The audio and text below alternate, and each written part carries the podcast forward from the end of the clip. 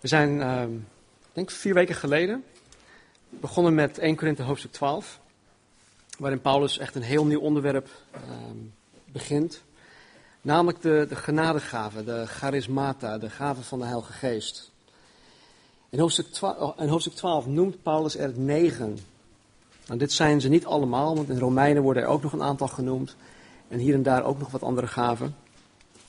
Maar de, de negen die hij in hoofdstuk 12 noemt, die wij dus gaan behandelen, waarvan we, ik denk drie al hebben behandeld, uh, die kunnen we in, in drie soorten gaven of groepen plaatsen. En de eerste groep is dan de openbaringsgave, waardoor je iets door God te weten krijgt dat je als mens zijnde nooit had kunnen weten.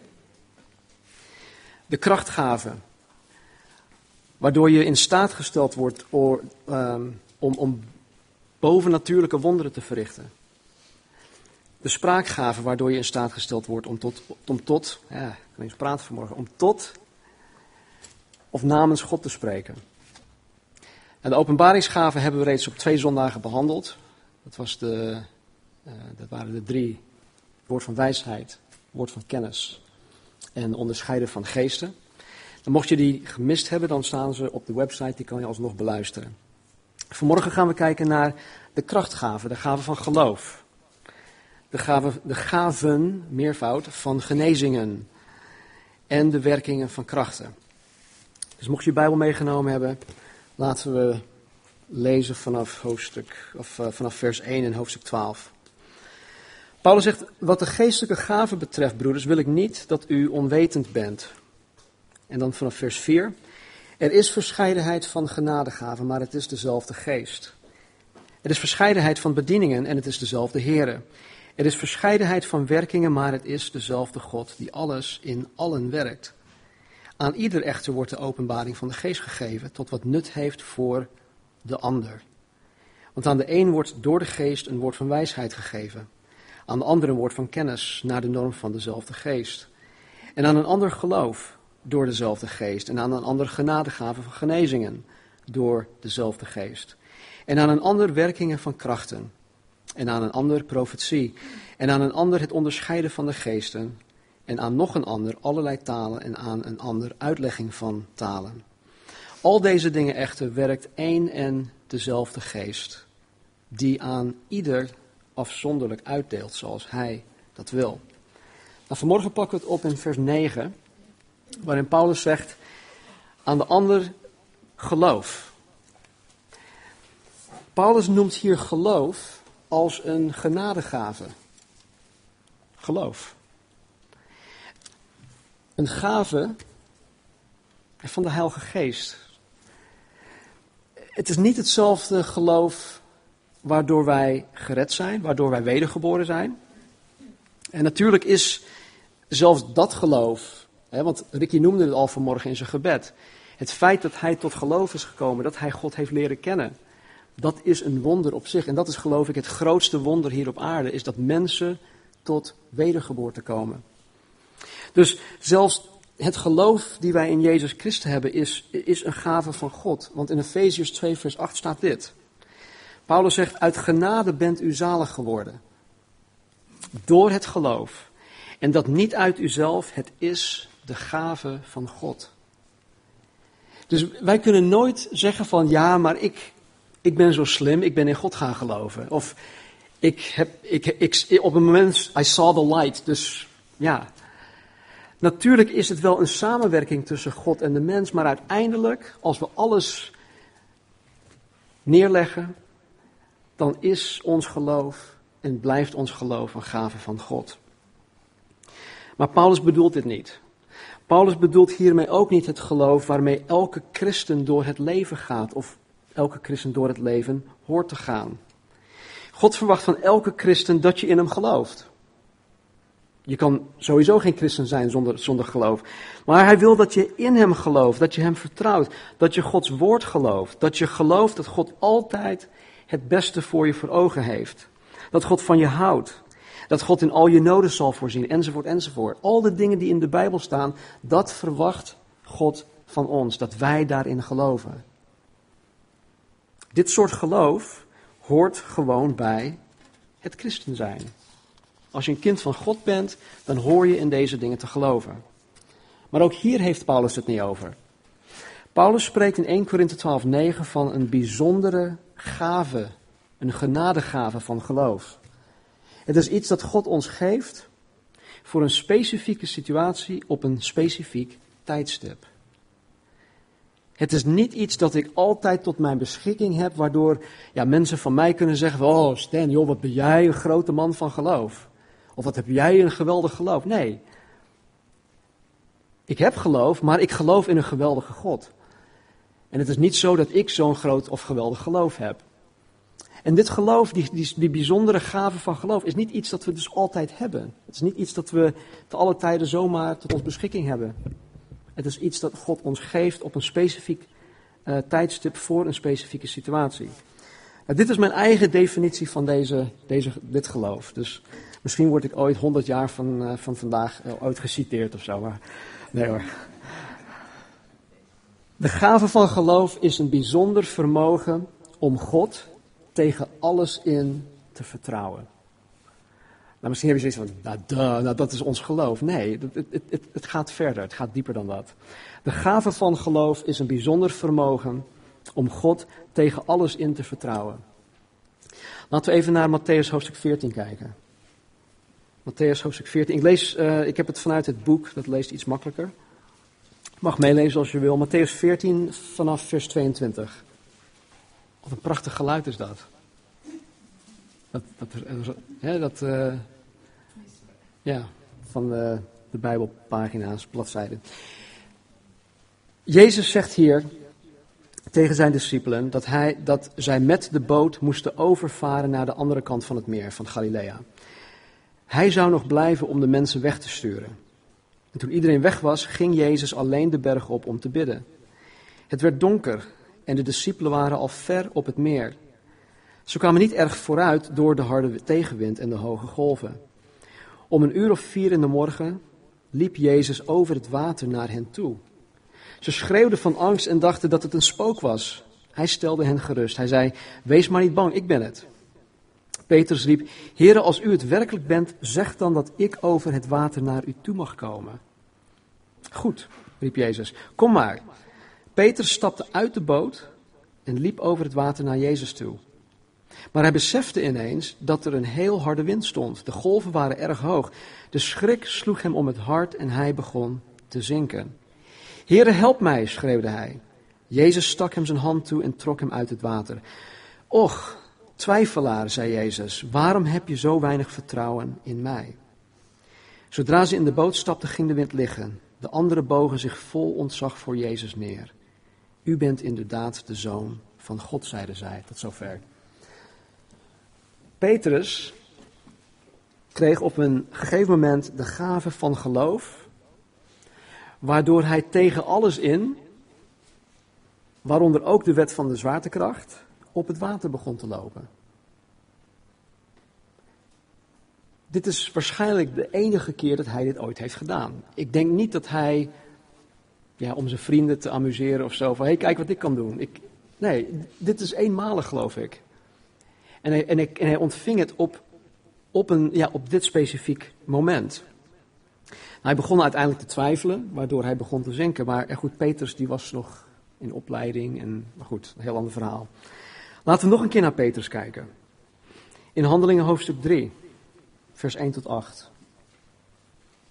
Dit is, na de, dit is na de opstanding, na de hemelvaart, na Pinksteren. Petrus is gegroeid. En er staat op een middag omstreeks drie uur, het Joodse gebedsuur, gingen Petrus en Johannes naar de tempel. Toen ze daar aankwamen, zagen zij een man die al sinds zijn geboorte verlamd was. Elke dag werd hij naar de mooie poort, een van de tempelpoorten, gedragen, om daar te bedelen. Toen Petrus en Johannes de tempel wilden binnengaan, vroeg hij hun om geld. Ze keken hem aandachtig aan en Petrus zei: Kijk ons aan. De man keek hen aan in de verwachting iets van hen te krijgen. Geld heb ik niet, zei Petrus, maar wat ik heb, krijgt u van mij. In de naam van Jezus Christus uit Nazareth, loop. Hij pakte hem bij de rechterhand, trok hem overeind. Op hetzelfde moment werden de voeten en enkels van de man stevig en sterk. Hij sprong op, stond even stil en begon toen te lopen. Daarna ging hij lopend met hen de tempel binnen en danste van blijdschap en hij loofde God. Tot zover. Petrus en Johannes hadden deze man ongetwijfeld talloze keren bij de poort zien bedelen. Alleen was het deze middag anders. Het ging anders. Petrus kreeg plotseling de gave van geloof, waardoor hij ook de vrijmoedigheid kreeg om deze man van zijn verlamming ter plekke te gaan genezen. Wanneer hebben wij voor het laatst iemand die verlamd was van zijn geboorte bij de hand opgenomen en zei van joh, sta op. Dat is iets dat, dat vereist de gave van geloof. Je doet dat niet zomaar. Petrus, er staat in, in het boek Handelingen heel veel dingen over genezingen en, en wat Petrus en Johannes en wat de anderen allemaal deden. En heel veel van die gaven die overlappen. Hè? Dus het is, uh, deze gave van geloof, dat, dat, dat, dat, dat werkt samen met andere gaven. Maar het is, het is meestal, of het is denk ik bijna denk ik, altijd, dat het begint met de gave van geloof. Doe iets. Doe iets radicaals. Stap uit in, in geloof. Krijg die zekerheid.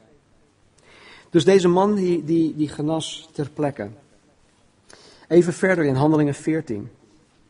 Ehm, vers 8 tot en met 10. Deze keer gaat het om Paulus. Die was op zendingsreis. En er staat in Lystra zat een man op de straat die zijn voeten niet kon gebruiken. Hij was al sinds zijn geboorte verlamd en had nooit kunnen lopen. Terwijl Paulus sprak, zat de man aandachtig te luisteren. Paulus keek hem eens goed aan en zag dat hij geloofde dat hij genezen zou worden. De man had geloofd dat hij genezen zou worden. Sta op, riep Paulus hem toe. Ga recht op uw voeten staan. De man sprong op en begon te lopen. Paulus was daar aan het evangeliseren. Dat, was, dat deed hij overal waar hij kwam. En plotseling zag hij dat deze man geloof had om genezen te worden. Nou, hoe Paulus dat zag in die man, dat weten we niet. Maar er staat dat Paulus het zag. En hij kreeg op een ogenblik, of op dat ogenblik, wel de gave van geloof om deze man op te laten staan. Paulus was er niet op uit om, om mensen op, denk ik, om te genezen. Er staat alleen dat ze daar aan het evangeliseren waren. En in één keer, pats, boem, krijgt Paulus inzicht tot het hart van die man. Hé, hey, die man die, die, die gelooft erin. Hij wil genezen worden. Hij kreeg het geloof. Sta op, boem, klaar. En die man loofde God en begon te lopen. Nou, dit, zijn, dit zijn maar een paar. er zijn zoveel meer voorbeelden van de gave van geloof. Ook in het Oud Testament. Lees bijvoorbeeld het verhaal over, um, over Elijah, uh, Elia. Ja? Nou, heel mooi verhaal over um, de profeten van Baal. Hij daagde hun uit. En er gebeurden gigant, gigantische dingen. Echt dingen die je, die je nooit voor mogelijk zou kunnen houden. Gebeurde er. En hij was zo zeker van zijn zaak. Hij was zo zeker van zijn God. Dat dat hij daar gewoon op die manier ging handelen. Maar goed, dat moet je op een andere keer lezen. Nou, ik geloof dat God ons vandaag de dag nog steeds deze gave van geloof geeft. Ik geloof niet dat dat op een of andere manier is opgehouden. Een keer was iemand bij ons over de vloer en die had problemen met zijn, met zijn longen, met zijn luchtwegen. En die had het op, op dat moment heel erg benauwd. Die, hij kon amper ademhalen. En uh, ik vroeg aan hem, joh, wat is er aan de hand? Ja, ik, ik stik bijna, kan, kan niet ademhalen. Dus ik dacht van, hé, hey, er moet iets gebeuren. Op, op dat moment kreeg ik van God het geloof om voor die man te bidden. Dus ik legde handen op, ik had voor hem gebeden en in één keer kon hij ademhalen. Ik had op dat moment de gave van geloof en ook de gave van genezing die door me heen werkte. Maar dat heb ik niet altijd. Ik kan niet zomaar naar mensen toe stappen die, die ziek zijn en, en, en, en mensen gaan genezen. Ik geloof echt dat ik dat geloof moet hebben om dat te gaan doen. En dan doet God het ook. Als God je het geloof geeft om het te doen, dan doet hij het. Ik geloof dat je de gave van geloof krijgt wanneer je het echt nodig hebt. Ik heb een, uh, een, nog een actueel voorbeeld. Bijna drie jaar geleden zaten we nog in de KSH. We waren pas begonnen, we waren in januari begonnen en ik denk ergens in juni of juli hadden we een gemeenteavond. En uh, in, op die avond wilde ik mijn visie delen. aan het eind van mijn presentatie uh, hadden we een tijd van vragen stellen en zo. Dus uh, er werd mij gevraagd door een van jullie wanneer ik zou gaan stoppen met werken bij mijn werkgever en dan ook fulltime uh, te gaan werken voor de Calvary Chapel. Dat was zes, zeven maanden na de start van de gemeente. En mijn antwoord daarop was, ja, ik weet het niet. Hoe, hoe moet ik dat nou weten? En toen zei ik, voegde ik daaraan toe, op dit moment heb ik niet het geloof om te stoppen met mijn werk. Een maand of zes geleden had ik een gesprek met iemand die er die avond ook bij was. En ze vertelde mij dat ze het op het moment dat, dat ik dat zei, het een beetje vreemd vond dat een, dat een voorganger toegaf dat hij voor die situatie geen geloof had. Nou, waarom vertel ik jullie dit? Natuurlijk geloof ik met heel mijn hart wat er in de Bijbel staat over Gods voorziening. Ik geloof dat.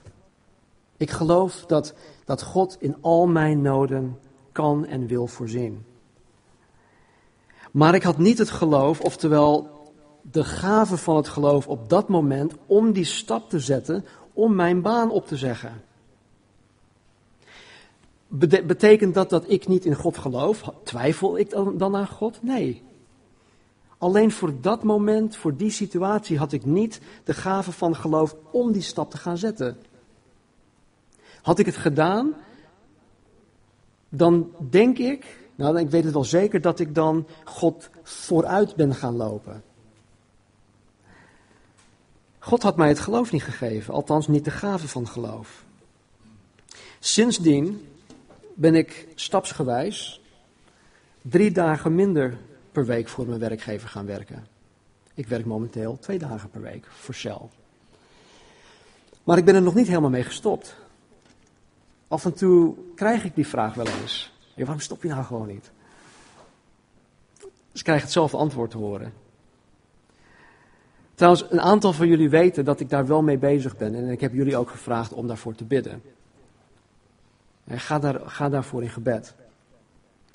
Ik ben er nu op dit moment wel mee bezig om, om, om, het, om het terug te draaien naar één dag per week. Drie maanden geleden had ik het geloof niet, ja, had ik het geloof niet voor om, om zelfs die stap te gaan zetten om het terug te draaien naar één dag. Maar God is daar nu met mij, nu, God is daar met mij bezig. En ik zie dat Hij uh, in de afgelopen weken bepaalde deuren heeft geopend. Waardoor Hij mij ook gewoon eigenlijk nu aan het pushen is. Oké, ik heb je het geloof gegeven, de deuren zijn open, doe het nou gewoon. En ik geloof dat dit gewoon een van de vele soorten gaven van geloof is. De tweede krachtgave is de gave van genezing. Vers 9 zegt hij. Aan een ander genade gaven van genezingen door dezelfde geest. Weet je, ik denk dat, ik, dat wanneer er gesproken wordt over de gave van genezing, dat vele christenen denken dat het vooral met lichamelijke, met, eh, met lichamelijke genezing te maken heeft. Maar hier staat genadegaven van genezingen. Het staat in het meervoud. En dat impliceert dat er verschillende gaven van genezingen zijn. En verschillende soorten van genezing. Die allemaal tot uiting komen wanneer de gave van genezing gebruikt wordt. Wanneer het gegeven wordt. God heeft de mens geschapen als geest, ziel en lichaam. Toen Adam en Eva in de Hof van Eden hadden gezondigd, stierf hun geest. Ze hadden geen gemeenschap meer met God. Ze werden het hof, de hof uitgezet. Vervolgens werd ieder mens die na hun, hè, dus wij ook, die na Adam en Eva geboren werden, een levende ziel in een levend lichaam, maar met een dode geest.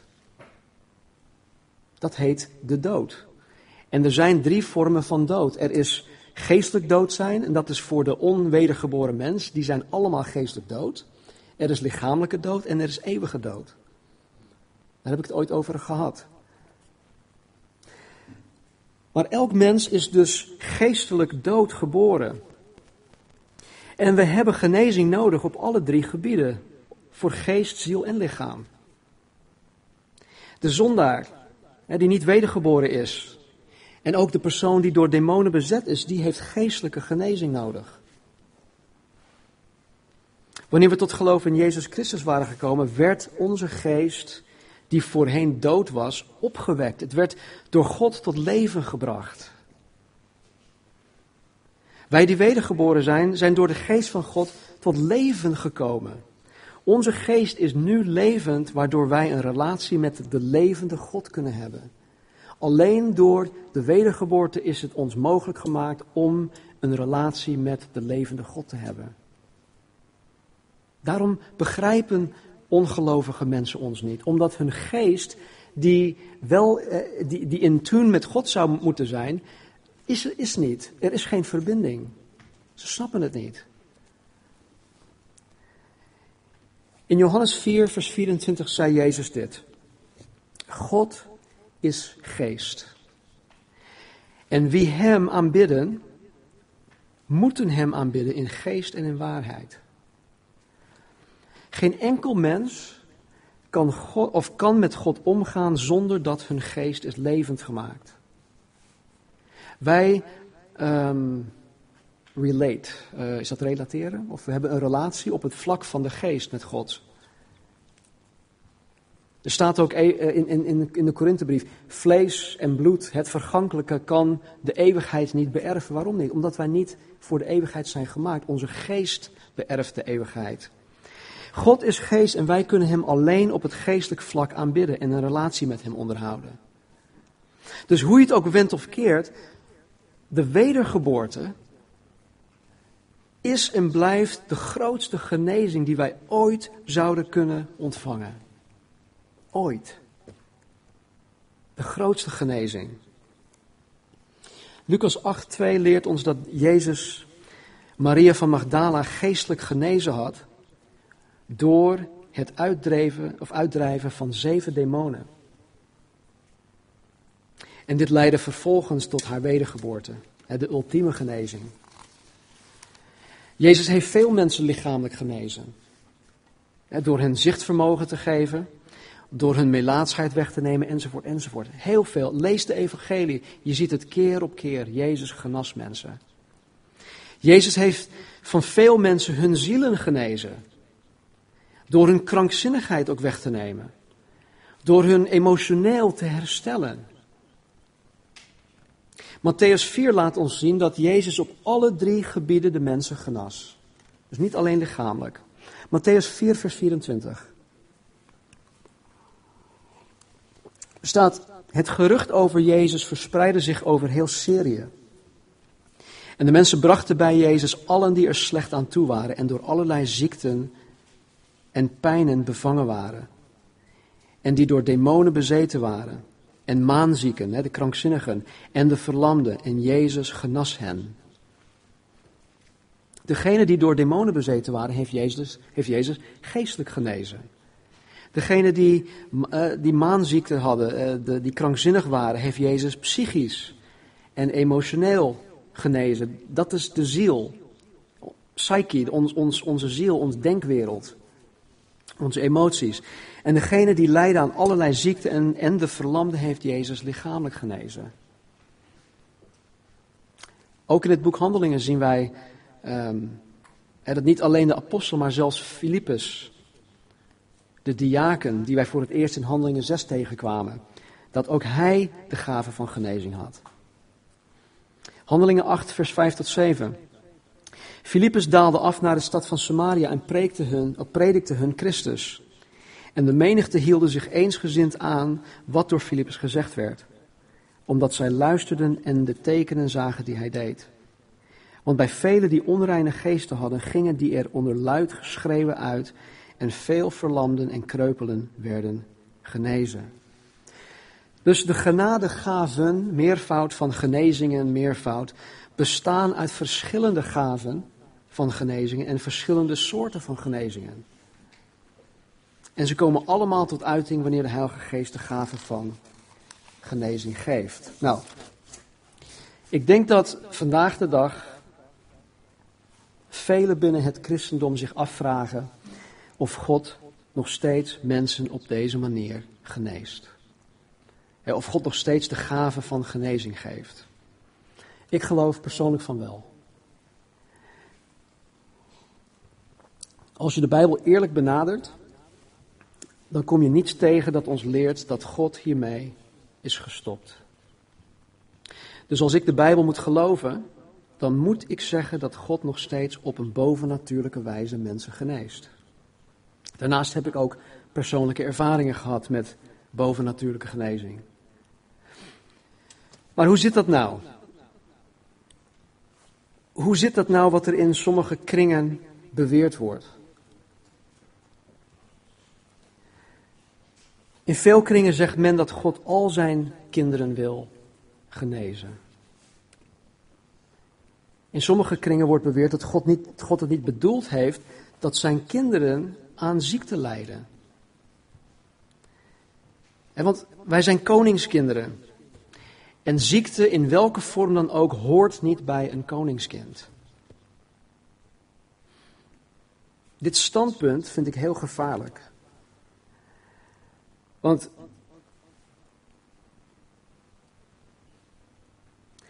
in mijn eigen ervaring veroorzaakt dat vaak um, nog veel meer pijn en leed dan de ziekte zelf.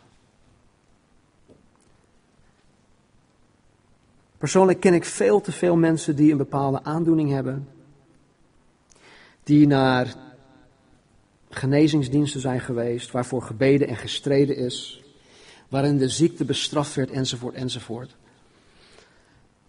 Maar die, die of nog steeds ziek zijn of inmiddels gestorven zijn.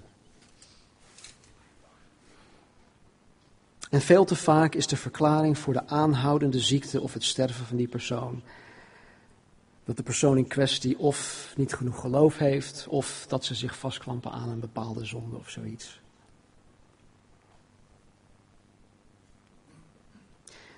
Deze leer, nou, ik, ik, ik noem het een valse leer,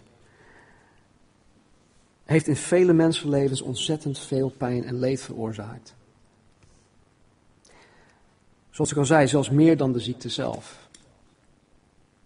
Zo vaak heb ik meegemaakt dat mensen zich gaan afvragen: wat is er dan met mij aan de hand? Waarom geneest God mij niet? Ze vragen zichzelf af wat zij verkeerd hebben gedaan.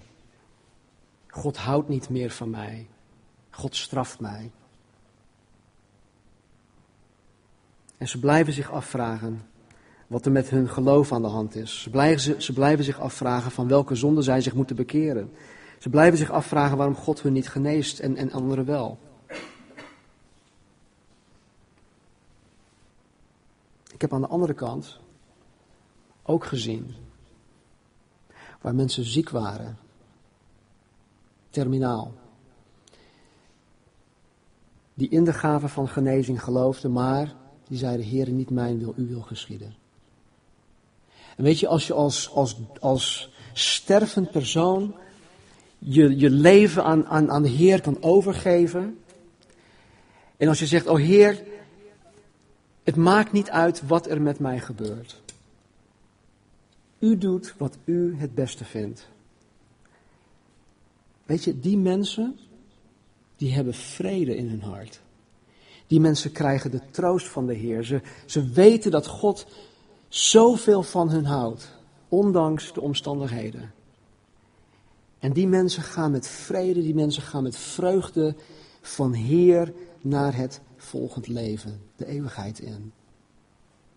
En ik geloof dat dat de bedoeling is van die liefdevolle God die zoveel van mensen houdt, die hun op die manier de eeuwigheid wil ingaan leiden. En niet met mens, dat mensen het gevoel hebben van, oh wat heb ik verkeerd gedaan dat ik in dit leven zo ellendig ben.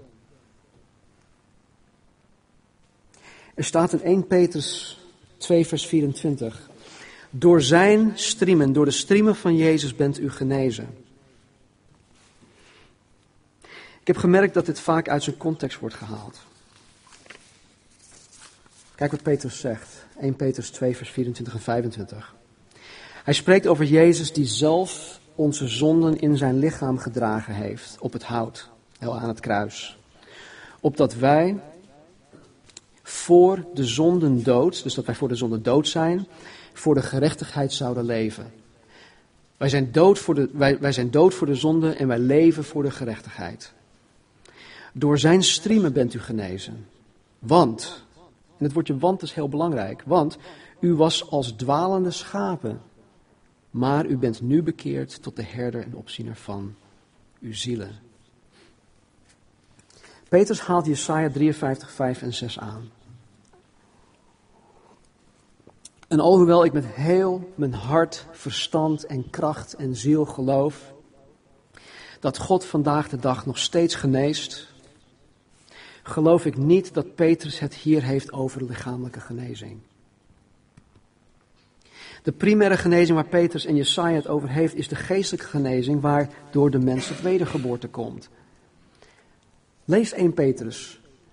Als het lichamelijke genezing was geweest, dan, dan zou het een hele raar, raar iets, want het past niet in de context van waar hij het over heeft. Het past gewoon niet. Dus als mensen tegen me zeggen dat al Gods kinderen lichamelijk genezen moeten worden, omdat, zij, omdat door de striemen van Jezus wij genezen zijn, dan wordt dat vaak een, een, een lastig gesprek voor mij. Want ik ben daar niet van overtuigd. En dan ben ik wel zo eigenwijs om, om mensen ja, terecht te wijzen. Of ze het ermee eens zijn, dat is een heel ander verhaal. Dan wordt het een heel lastig gesprek. Maar ik probeer mijn best te doen om mensen de, de, de Bijbel zelf te laten lezen. De apostel Paulus. Als je naast het leven van Jezus nog iemand, iemands leven wil gaan bestuderen, moet je het leven van de apostel Paulus bestuderen. Man, wat een inspiratie. Hij is naast Jezus, hij is gewoon de man voor mij, in mijn ogen. De apostel Paulus, die heel veel mensen had genezen, kon zijn zoon in het geloof, Timotheus.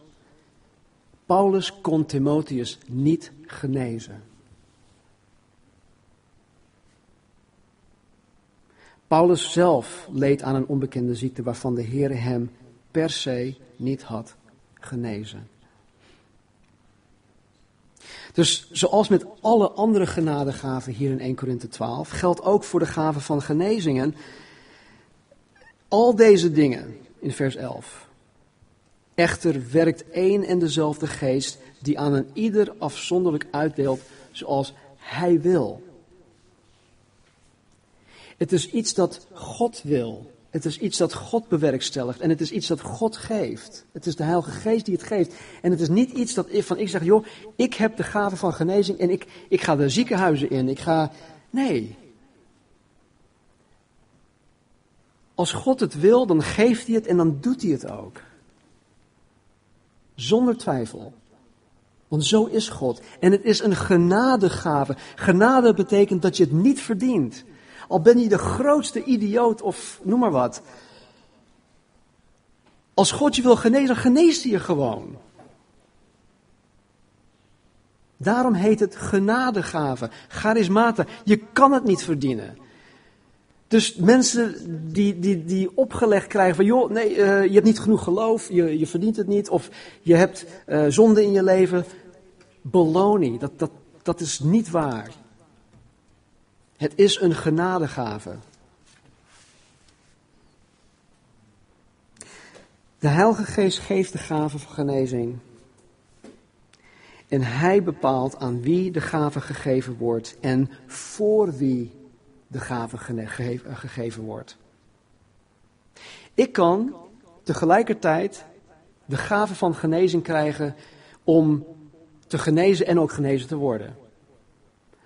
Wat ik daarmee bedoel is, kijk, als ik de gave van genezen ontvang, hè, zoals alle andere gaven, is het bedoeld om een ander van nut te zijn.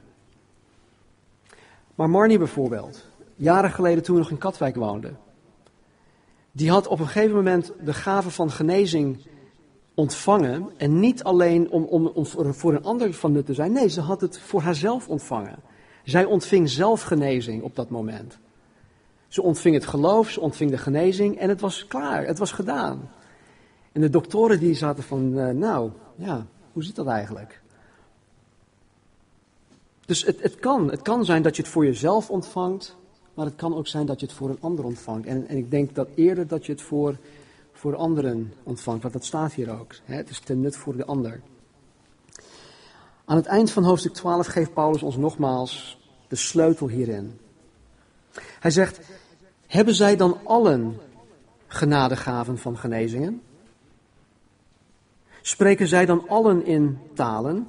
Zijn zij dan allen uitleggers? Het antwoord op deze vragen is natuurlijk nee, natuurlijk niet. Het is een retorische vraag, maar het antwoord, Paulus bedoelt hiermee te zeggen: nee, natuurlijk niet. Niet iedereen heeft deze gaven. Vers 10a. En aan een andere werkingen van krachten. Ik sluit hiermee af.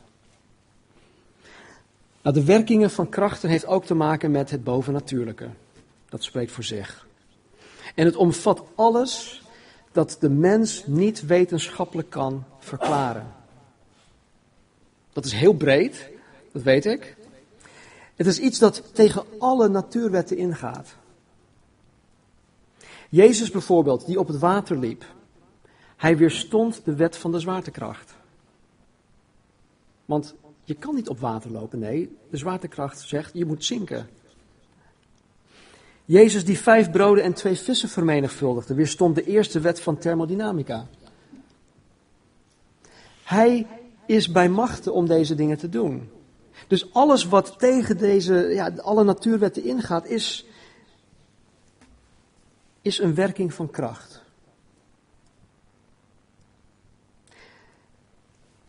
Wat ik er wel bij wil zeggen is dat God, de Heilige Geest, niet de enige bron is. Satan, demonen, die hebben ook best wel wat kracht. En die kunnen ook werkingen van kracht verrichten. En ze zijn um, designed, ontworpen om de mens te misleiden om de christen te misleiden, maar vooral ook de mensen daarbuiten te misleiden. En wat me opvalt, is dat zowel Jezus als Filippus, de apostelen, en misschien moet ik dat eigenlijk niet zeggen, maar zij hielden geen speciale genezingsdiensten.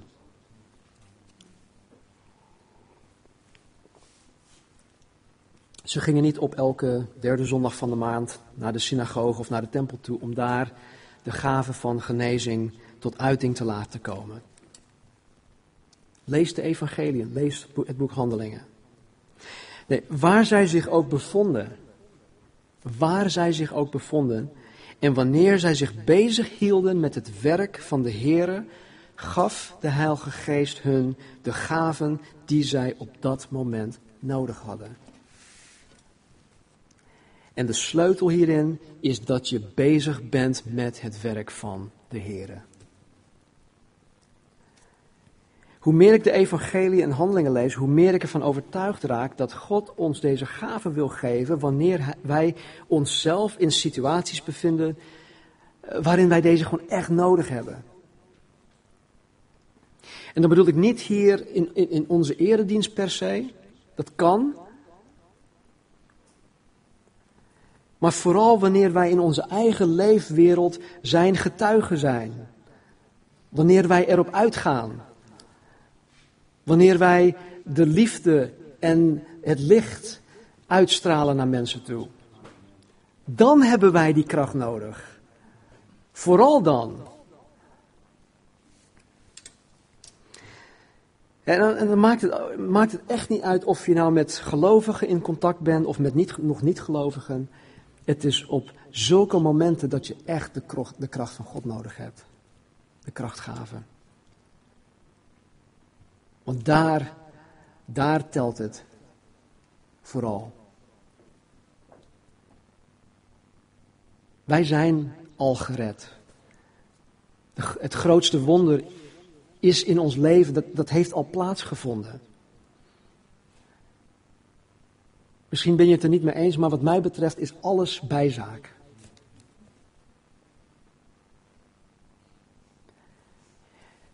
De Heere wil ons zijn gaven geven en hij wil het doen wanneer wij het nodig hebben.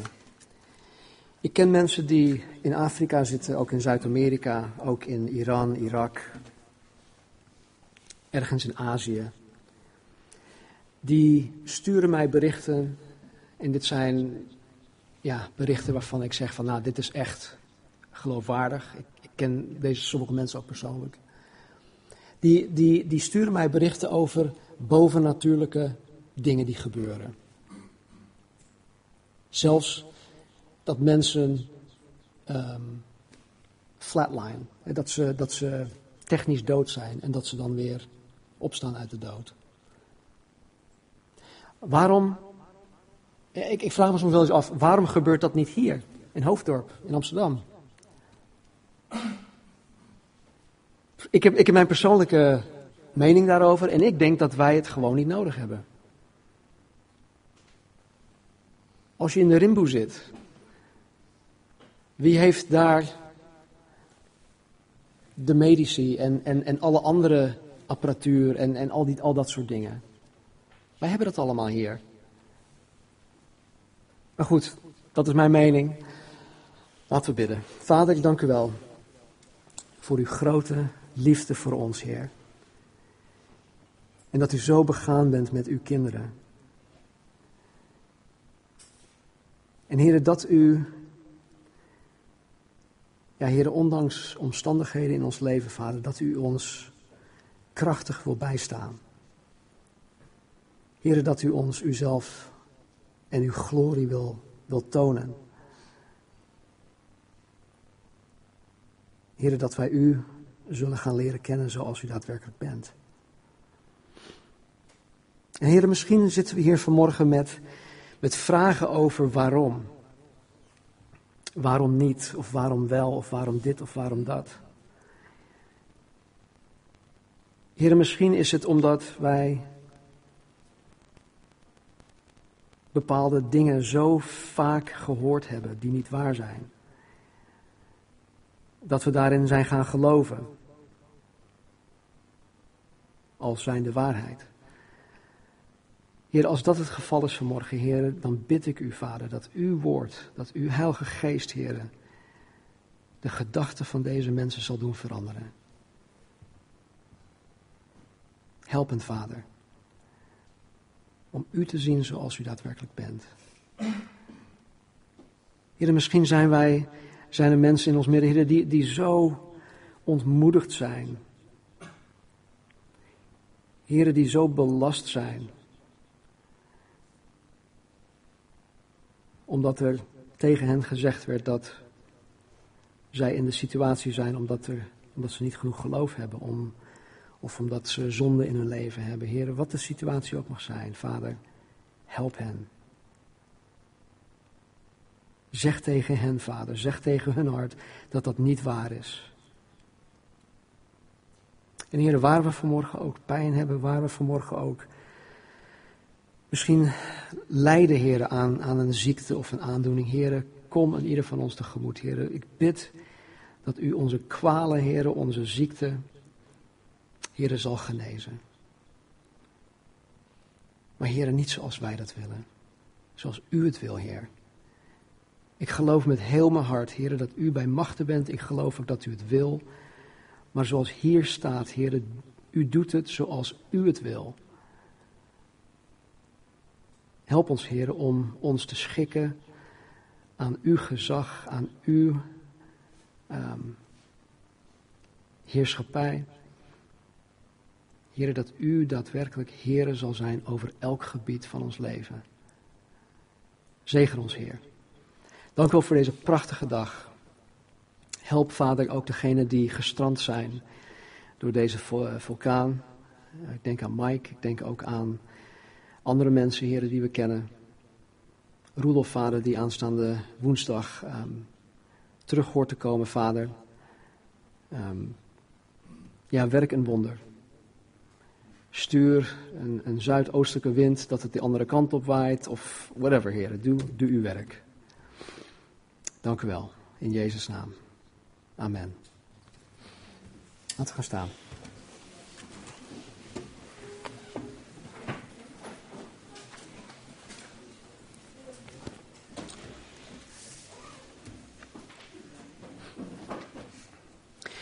Aan het eind van dit hoofdstuk, in vers 31, zegt, zegt Paulus: Streef echter naar de beste genadegaven.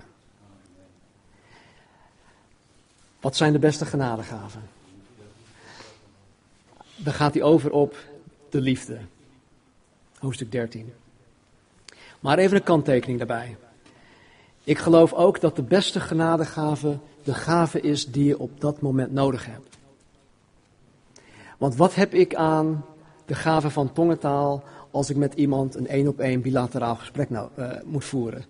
Snap je? Dus de gaven hebben allemaal zijn waarde, maar het moet wel de juiste gave zijn voor het juiste moment. Dus, en ik geloof dat dat de beste genadegave is. Dus wees daarin gezegend. Mochten jullie vragen hebben of op aanmerkingen, dan uh, ben ik hier aanwezig. Geniet van de koffie, van elkaar, van de fellowship. En wees vooral bewust dat God jullie deze week wil gaan gebruiken. En dat hij ook alles wil geven om je effectief te kunnen gebruiken. Dus wees erin gezegend, wees een zegen voor elkaar en uh, geniet gewoon, geniet van het leven. Ja? Amen.